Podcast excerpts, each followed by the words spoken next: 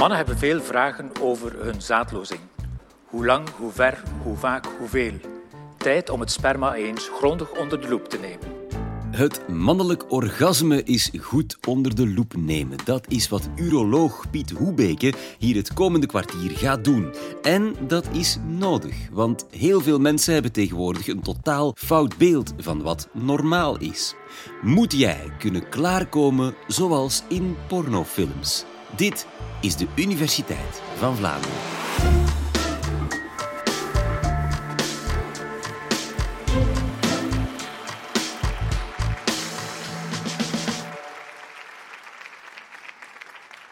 We moeten het even over zaadlozingen hebben. Ik zie te veel patiënten, misschien vooral jonge mannen, die komen met klachten over hun zaadlozing. Te weinig, niet ver genoeg.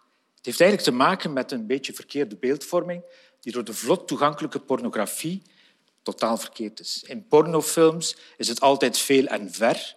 In de realiteit is het echter niet het geval. En ik hoop jullie dit nu te kunnen vertellen hoe dat dan wel in de realiteit is. Nu, de eerste vraag die we moeten stellen, waarom moeten mannen of mogen mannen ejaculeren? Ik denk dat u dat weet. Dat heeft gewoon te maken met de voortplanting.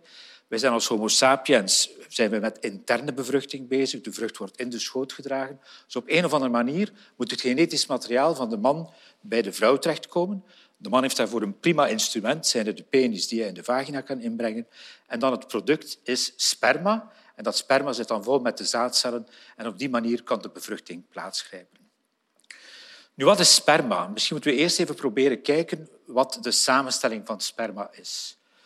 Het is zo dat sperma niet alleen uit uw teelballen komt. Het is zelfs zo dat de minderheid van het volume van uw sperma uit uw teelballen komt. Ongeveer 10 procent komt uit de teelbal.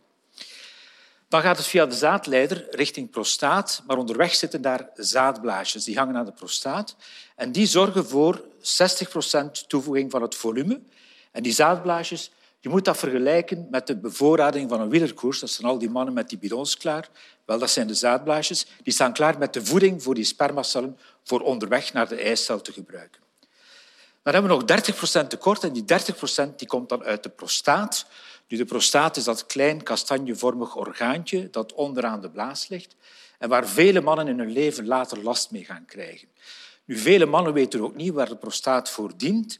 Het dient eigenlijk alleen maar om 30 procent van het ejaculaat te produceren.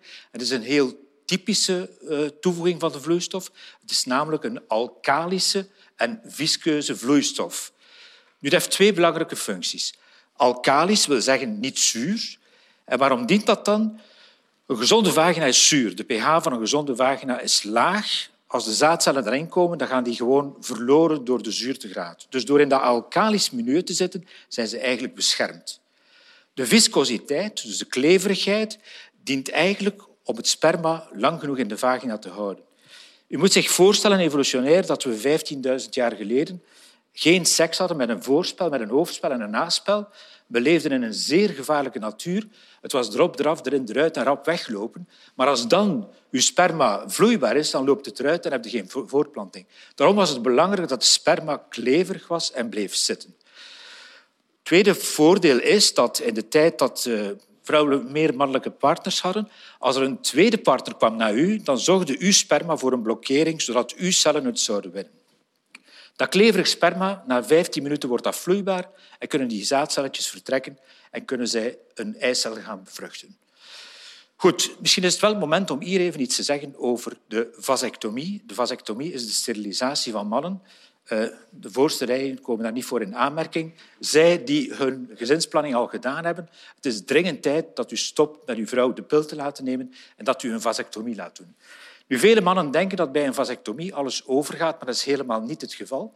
Bij een vasectomie wordt enkel de zaadleider doorgesneden, zodat de rest van alle producten nog altijd geproduceerd worden. Dus een man heeft na vasectomie nog steeds 90 procent van zijn ejaculaat, heeft nog al zijn libido en nog al zijn goesting in seks. Dus dat heeft er allemaal niks mee te maken. Dus aan alle mannen die een familieplanning klaar is, morgen een afspraak bij de uroloog voor een vasectomie.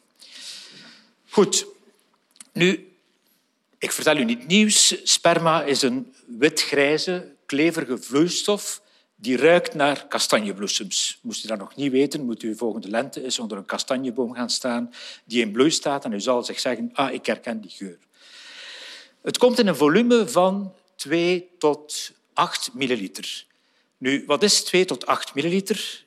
Wel, ik ga u zeggen, een koffielepel is 5 milliliter en een dessertlepel is 10 milliliter. Dus het gemiddelde spermavolume kan in een koffielepel of in een eh, dessertlepel maximaal. Dus wat men in de porto ziet, men denkt dat het in een pollepel komt, daar komt het dus niet uit. Het is een klein volume. Goed. Uh, ja, het ruikt naar kastanjes, kastanjebloesem, heb ik al gezegd. Het heeft ook een smaak. Het is bitter van smaak. Het is bitter. Nu, waarom is het bitter? Stel dat het honing zoet zou zijn, dan zou het misschien op de verkeerde plaats terechtkomen bij seksuele activiteit. En om dat te vermijden heeft men de smaak een beetje bitter gemaakt. Of althans, niet men, maar de evolutie heeft ervoor gezorgd dat de smaak wat bitter werd. Nu, voeding beïnvloedt wel de geur van uw sperma. Als je veel asperges eet of als je look eet, dan heb je anders ruikend sperma dan als je dat niet gegeten hebt.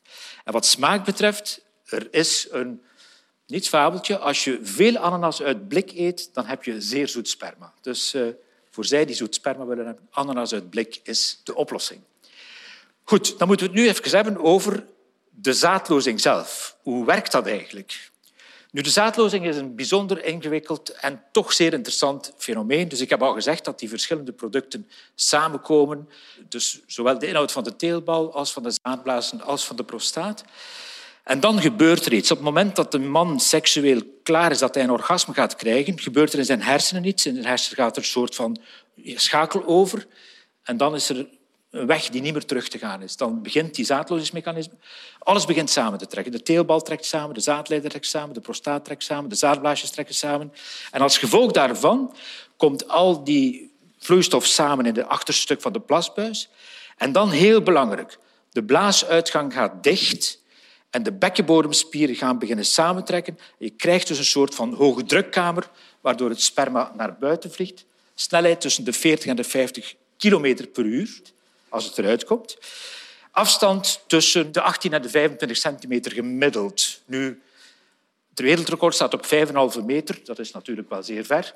Nu, wij vragen nooit aan patiënten hoeveel centimeter kunt je ejaculeren, maar als ze dan komen met, met problemen, dan vragen we ja, waar landt uw sperma? Als het in uw schaam, tussen uw schaamhaar en uw navel is, dan graad 1. Tussen uw navel en uw tepels graad 2. Voorbij uw tepels dan is het graad 3 en de rest is al uw fantasie uiteindelijk. Er zijn ook wel mannen die vragen ik zou graag meer ejaculeren en verder ejaculeren. Ja, je kan daar relatief weinig aan doen. Voor meer, langer wachten tussen twee beurten is een goede oplossing. Hoe langer de tussentijd, hoe meer het zal zijn. Hogere opwinding is ook voor meer. En veel water drinken. Alcohol is een killer voor dat, want alcohol ontwatert u en dan gaat uw sperma ook veel minder in volume zijn. Wat betreft de afstand, ja, ook daar hoe meer opgewonden, hoe langer dat je gewacht hebt, waarschijnlijk hoe verder. Nu, als je wilt oefenen, je kan die bekkenbodemspier wel oefenen om samen te trekken. Je moet daarvoor bekkenbodemoefeningen doen. En je kan daarmee misschien wel een klein beetje verder, een paar centimeter winnen. Maar is dat dan belangrijk? Dat is natuurlijk nog een andere vraag. Is masturberen gezond? Natuurlijk, want zaadlozen is gezond. De zaadlozingen zijn eigenlijk zeer belangrijk. Het is zelfs zo dat men aangetoond heeft dat personen die tussen hun twintigste en hun veertigste ongeveer 21 zaadlozingen per maand hebben, veel minder prostaatkanker krijgen. En het mag meer zijn dan 21. Wanneer wordt het te veel? Ja, als je niets anders meer kunt doen dan alleen maar masturberen, dan heb je natuurlijk wel een probleem. Maar er is dus geen echte limiet in masturbatiefrequentie. Goed, dat is eigenlijk tot nu toe over de normale ejaculatie, maar dan moeten we het nu hebben over de problemen met ejaculeren. er zijn er een paar. Er is de vroegtijdige klaarkomen, wat een heel vervelend probleem is. Het laattijdig klaarkomen, wat eigenlijk ook een vervelend probleem is. Het niet, niet ejaculeren is ook een vervelend probleem. Dan heb je het retrograde ejaculeren, dat is in de verkeerde richting, zaadlozen. En tenslotte bloed in het sperma. Dus ik ga die vijf heel kort belichten. Nu, het eerste, ejaculatio precox, is een hele vervelende. Komt eigenlijk ook wel vaak voor.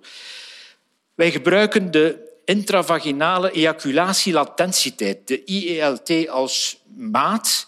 En die is gemiddeld rond de zes minuten bij 18 eh, tot 30-jarigen. En naarmate je ouder wordt, gaat die dan toenemen. Wanneer spreken we van vroegtijdig? Als die minder dan twee minuten is. Als uw IELT minder dan twee minuten is, ja, dan hebt u misschien wel een probleem. De vraag is, kan je daar dan iets aan doen? Ja, je kan iets doen, maar het vergt wel veel oefening. Het eerste wat je kan doen is proberen van dat mechanisme, van die point of no return, bij jezelf te erkennen. Mindful omgaan met je seksualiteit. En dan kan je, als je weet van, ja, nu gaat het gaan komen, als ik nu doordoe, dan is het weg en is het over. Als je dan aan een dood konijntje begint te denken of zoiets, dan gaat het misschien over. En dan zal het stoppen en dan kan je herbeginnen en dan kan je zo op die manier de tijd wel wat gaan rekken. Een tweede optie is dat je een tweede rondje doet. Want mannen hebben na het eerste rondje een refractaire periode. Alles een beetje in pannen. Bij sommigen gaat dat weer snel in actie. Maar het is allemaal minder gevoelig en het zal wat langer duren voor de ejaculatie komt. Je kan ook verdovende crèmes gebruiken om de eikel te verdoven.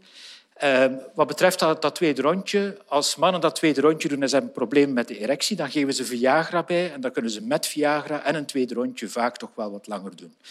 En dan is er nog de medicatie. Vele antidepressiva hebben als bijwerking dat de ejaculatie vertraagd wordt. En dat wordt gebruikt in de behandeling, maar het heeft natuurlijk wel heel veel bijwerkingen. En ik moet u eerlijk zeggen dat een claim van 200% vooruitgang voor iemand die maar 15 seconden IELT heeft, dat dat betekent dat hij nog 45 seconden heeft en dat is nog niet genoeg. Dus het blijft wel een probleem. Waarvoor de beste behandeling in mijn ogen nog altijd is dat je mindful omgaat met je ejaculatie. Ejaculatio tarda is dan te traag als je na een half uur, en dat is klassiek in de pornofilm, duurt dat soms twee uur voor die mannen klaarkomen. Maar ejaculatio tarda kan ontstaan ten gevolge van alcohol en van uh, drugs, marihuana en cocaïne veroorzaken dat heel typisch. Dat is heel vervelend. Die mannen uh, zijn aan het werken, komen niet klaar en vaak moeten ze masturberen om te kunnen klaarkomen. Of soms komen ze helemaal niet klaar. Je kan daar relatief weinig aan doen. Meer opwinding kan helpen, uh, andere technieken kunnen helpen. Maar het blijft wel een moeilijk behandelbare problematiek waarvoor we de patiënten naar de seksuoloog gaan sturen. Anejaculatie is een droogschot komt eigenlijk voor bij mannen die een prostaat hebben moeten inleveren voor prostaatcarcinoom. Als je prostaatkanker hebt, dan zal men je prostaat helemaal verwijderen. Dan verwijdert men ook de zaadblaasjes en dan verwijdert men dus de prostaat. Bij gevolg is er nul ejaculaat. Die mannen komen wel klaar, maar er komt gewoon niks uit. Makkelijk, goedkoop in de Kleenex, dat is eigenlijk een voordeel. En dan heb je de retrograde ejaculatie. En dat is eigenlijk interessante. Dat is gewoon in de verkeerde richting ejaculeren. Nu, dat zien we bij mannen die behandeld zijn voor prostaat, maar voor goedaardige prostaataandoeningen. Bij wie de prostaat geboord is, hè, waarbij men stukken prostaatweefsel heeft weggehaald. En dan gaat die blaasuitgang niet meer goed werken. Dus bij gevolg op het moment van de ejaculatie staat die blaasuitgang open. Alle producten komen samen, de spier trekt samen en hoeps, alles vliegt de blaas in. Stel dat die mannen nog kinderwens hebben, dan gaan we de urine na ejaculatie eh, filteren en gaan we daar de spermacellen uithalen en op die manier proberen van zijn partner zwanger te maken. Dus retrograde ejaculatie. De laatste is bloed in sperma, hematospermie. U weet als er ergens bloed in zit, in uw fluimen, in uw stoelgang of in uw urine, alarm, alarm, alarm. Dat is bijna altijd kanker. Niet altijd, maar bijna altijd kanker. Wel, voor sperma is dat niet het geval. Bij sperma is dat heel, heel goedaardig. Je moet zich voorstellen dat op het moment van die ejaculatie de enorme energie die daar gebeurt in al die organen, er lopen daar hele kleine bloedvaten. Sommige van die bloedvaten kunnen springen. En dan heb je bloedstreepjes in het sperma. En dat kan dus geen kwaad. Na drie of vier ejaculatiebeurten is dat meestal weg. En dan is het eh, voorbij. En we doen daar nooit verder onderzoek voor, voor bloed in het sperma. Goed, op deze manier heb ik u meegenomen langs een journey van sperma om jullie duidelijk te maken dat er heel veel variatie is in het normaal. Dat wat wij eigenlijk te zien krijgen in porno helemaal niet normaal is. En ik denk de belangrijkste boodschap voor jullie is, als je problemen hebt met je ejaculatie, begin eerst eens met jezelf na te denken, hoe werkt dat hier allemaal? Ga mindful om met je lichaam. Praat erover met je partner en dan kom je volgens mij al een heel eind ver. En een heel eind hoeft dus zeker geen 5,5 meter te zijn. Krijg je maar niet genoeg van de penisweetjes van Piet Hoebeke? Luister dan zeker ook naar aflevering 377, waarin onze huisuroloog je vertelt hoe een normale penis er precies uitziet. Heel graag tot daar.